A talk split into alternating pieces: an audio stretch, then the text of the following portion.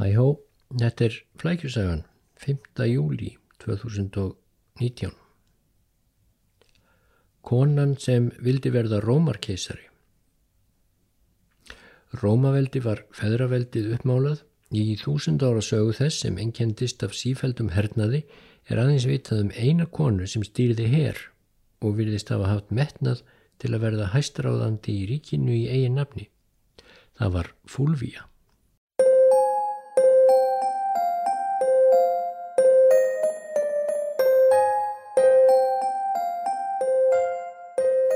Rómaveldi var sannkallað feðraveldi. Konur hafðu vissulega margvíslega réttindi en áttu þó alltaf á endanum undir kallmenn að sækja. Og í allri söguborgarinnar og heimsveldi sinns eru þess varla dæmi að konur hafi opinskátt barist um völd, hvað þá stýrt herjum. Eitt af þessum örfáu dæmum er fúlvíjan okkur sem er þó förðu lítið þekkt í Rómarsögu.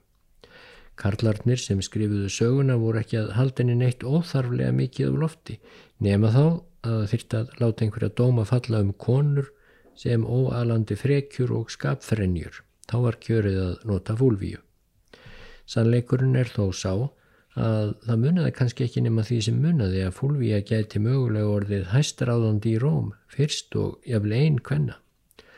Svo mikið er vist að hún hefði glöð orðið fyrst í keisari Rómaborgar en jáfnvel hún varð samt að fara sínu fram innan marka feðraveldisins, þar að segja sem eiginkona kalla sinna, þótt hún væri meiri bógur en þeir allir. Fúlvíja fætist að líkindum kringum árið 83 fyrir Krist. Hún var af mikilsáttar plebejaættum, en plebejar voru upprönnulega alþýðu fólkið í Róm upp á kant við patrísíana eða yfirstjettina, nema Þegar hér var komið sögu voru nokkra fjölskyldur plebbeja orðnar auðugar og valdamiklar, gengdu aðistu ennbættum og höfðu mikil áhrif. Fúlvíusarættin var einn þeirra. Þegar Fúlvíja fættist var Róm fyrir löngu orðin upplugasta veldið við miðjarðarhaf en innanlands ríkti sífældur ófriður og borgarastríð þegar vestlétt. Annars vegar var um að ræða hinn að þrálátu tókstreitu, lástjéttar og yfirstjéttar. Nú voru Þessir hópar kallaðir Popularis sem var alltíðustjettin og Optimatis sem var yfirstjettin en það var hinn gamla skipting plebeja og patrísía mjög farin að reyðlast. En hins vegar var svo um að ræða einskjæri valdabaróttu, sigur sætla herfóringja og stjórnmálamanna. Um tvítugt gekk Fúlvía að eiga Publius Clodius Pulker sem var ungur og metorða gett politíkus af patrísíættum en taldi hag sínum best borgið í flokki populara.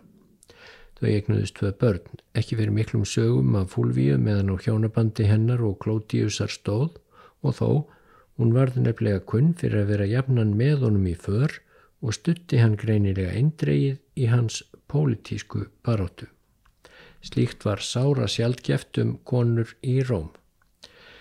Þær sátu yfirleitt heima í dingju meðan karlar réður áðum. Hinn pólitíska barátta Klótiusar gekk raunar ekki síst út á sífældar erjur og stundum götubardaga við helsta vígahund Optimata um þær myndir sem Míló hétt. Þeir Klótius og Míló voru korum sig eins konar staðgenglar hinn að raunverulegu valdamanna sem tókust á bak við tjöldin. Klótius var maður Júliusar Cesars en Míló var á snærum Gneusar Pompeiusar. César og Pompeius keftu undir rós um aðstu mettorð en heldu í byli frið sín á milli og letu Klótius og Míló um að ærslast fyrir sína hönd. Það endaði svo með því að Klótius var drepinn í skærum við menn Mílós árið 53. Þá var Fúlvía, kona Klótiusar um þrítugt og vakti mikla aðtikli í Róm þegar hún let draga lík eiginmann síns um götur Rómar svo allir mættu sjá það og hún benti í miklum hugaræsingi á sár hans.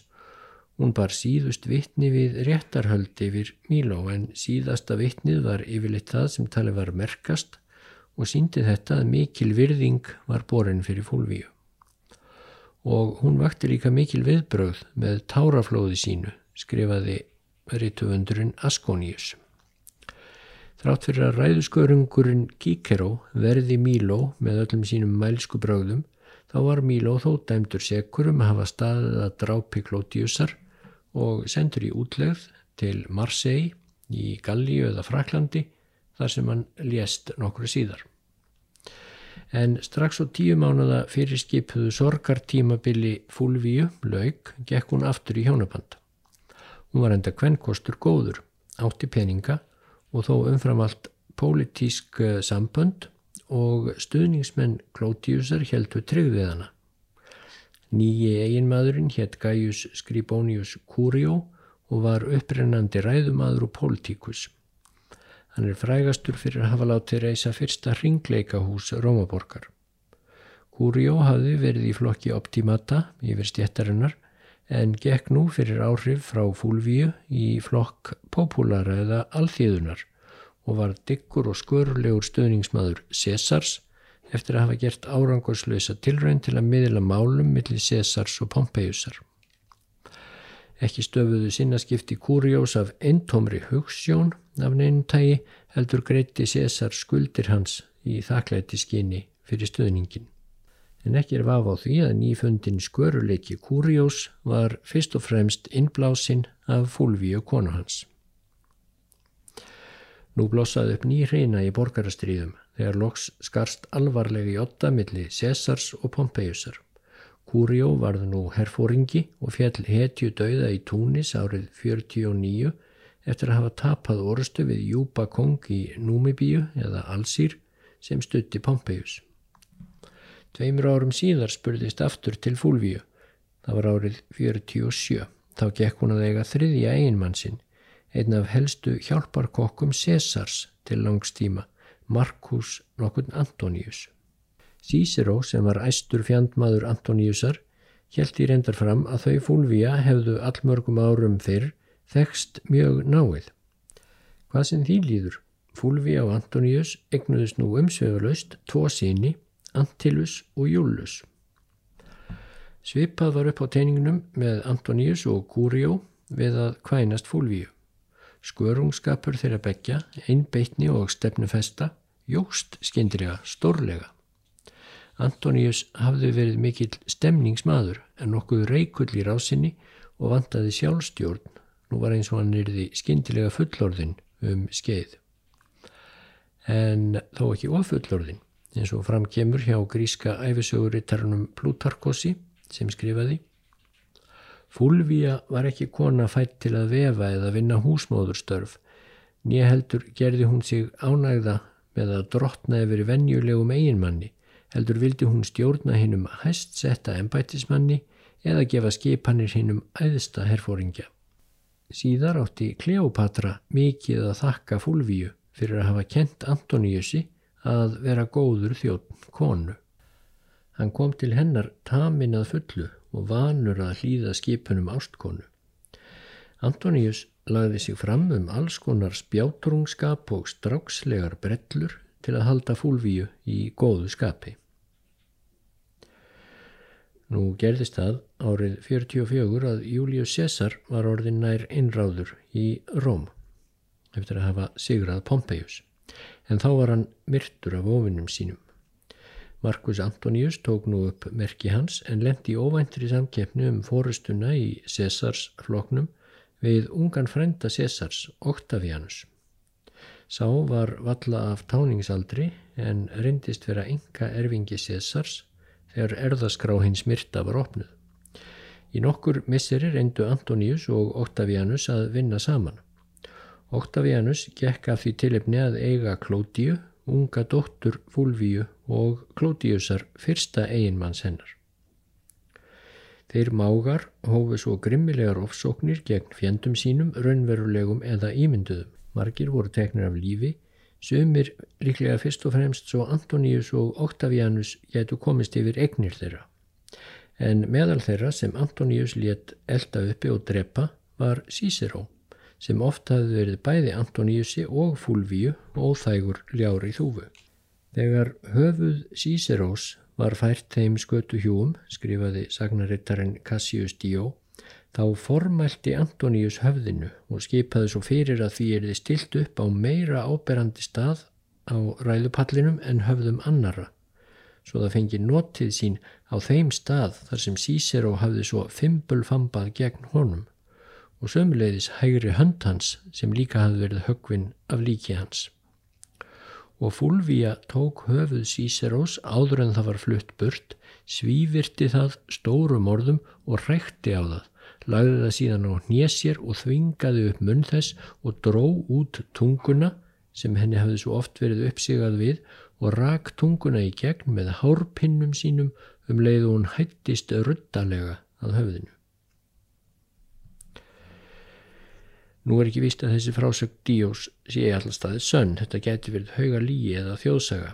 Díó skrifaði sögubók sína 250 árum eftir atbyrðina sem þarna er líst en sagan sínir allt jænt að Fúlvía var kunn fyrir að hafa ekki verið neitt lampað leika sér við og sömuleiðis að hún tók fullan þátt í valdabröldi eiginmannsins. Valdabröld er rétt orð í þessu sambandi. Það væri skemmtilegt að geta greint frá því að Fúlvía hafi barist fyrir einhverjum fárum hugssjónum en svo var ekki. Flest allir þáttakendur í valdatabli fyrstu aldar sóttu staðins eftir völdum Sumir töluðu í nafni alþýðunar. Þannig hafa stjórnmálamenn popularis hreyfingarinnar orðið að populistum nútímans. En þegar á holminn kom voru það nú oftast bara persónlega völd sem allt snerist um. Og í vaksandi erjum Antoníusar við Octavianus var Fúlvía sannarlega betri en engin. Aðtiklisvert er að hún verðist enn hafa haft undir sinni stjórn stuðningshóp Klótiusar heitins og beitti honum Antoníusi til stuðnings eins og hverjanar mafíufóringi setin tíma. En brátt færðist hún enn meira í fang.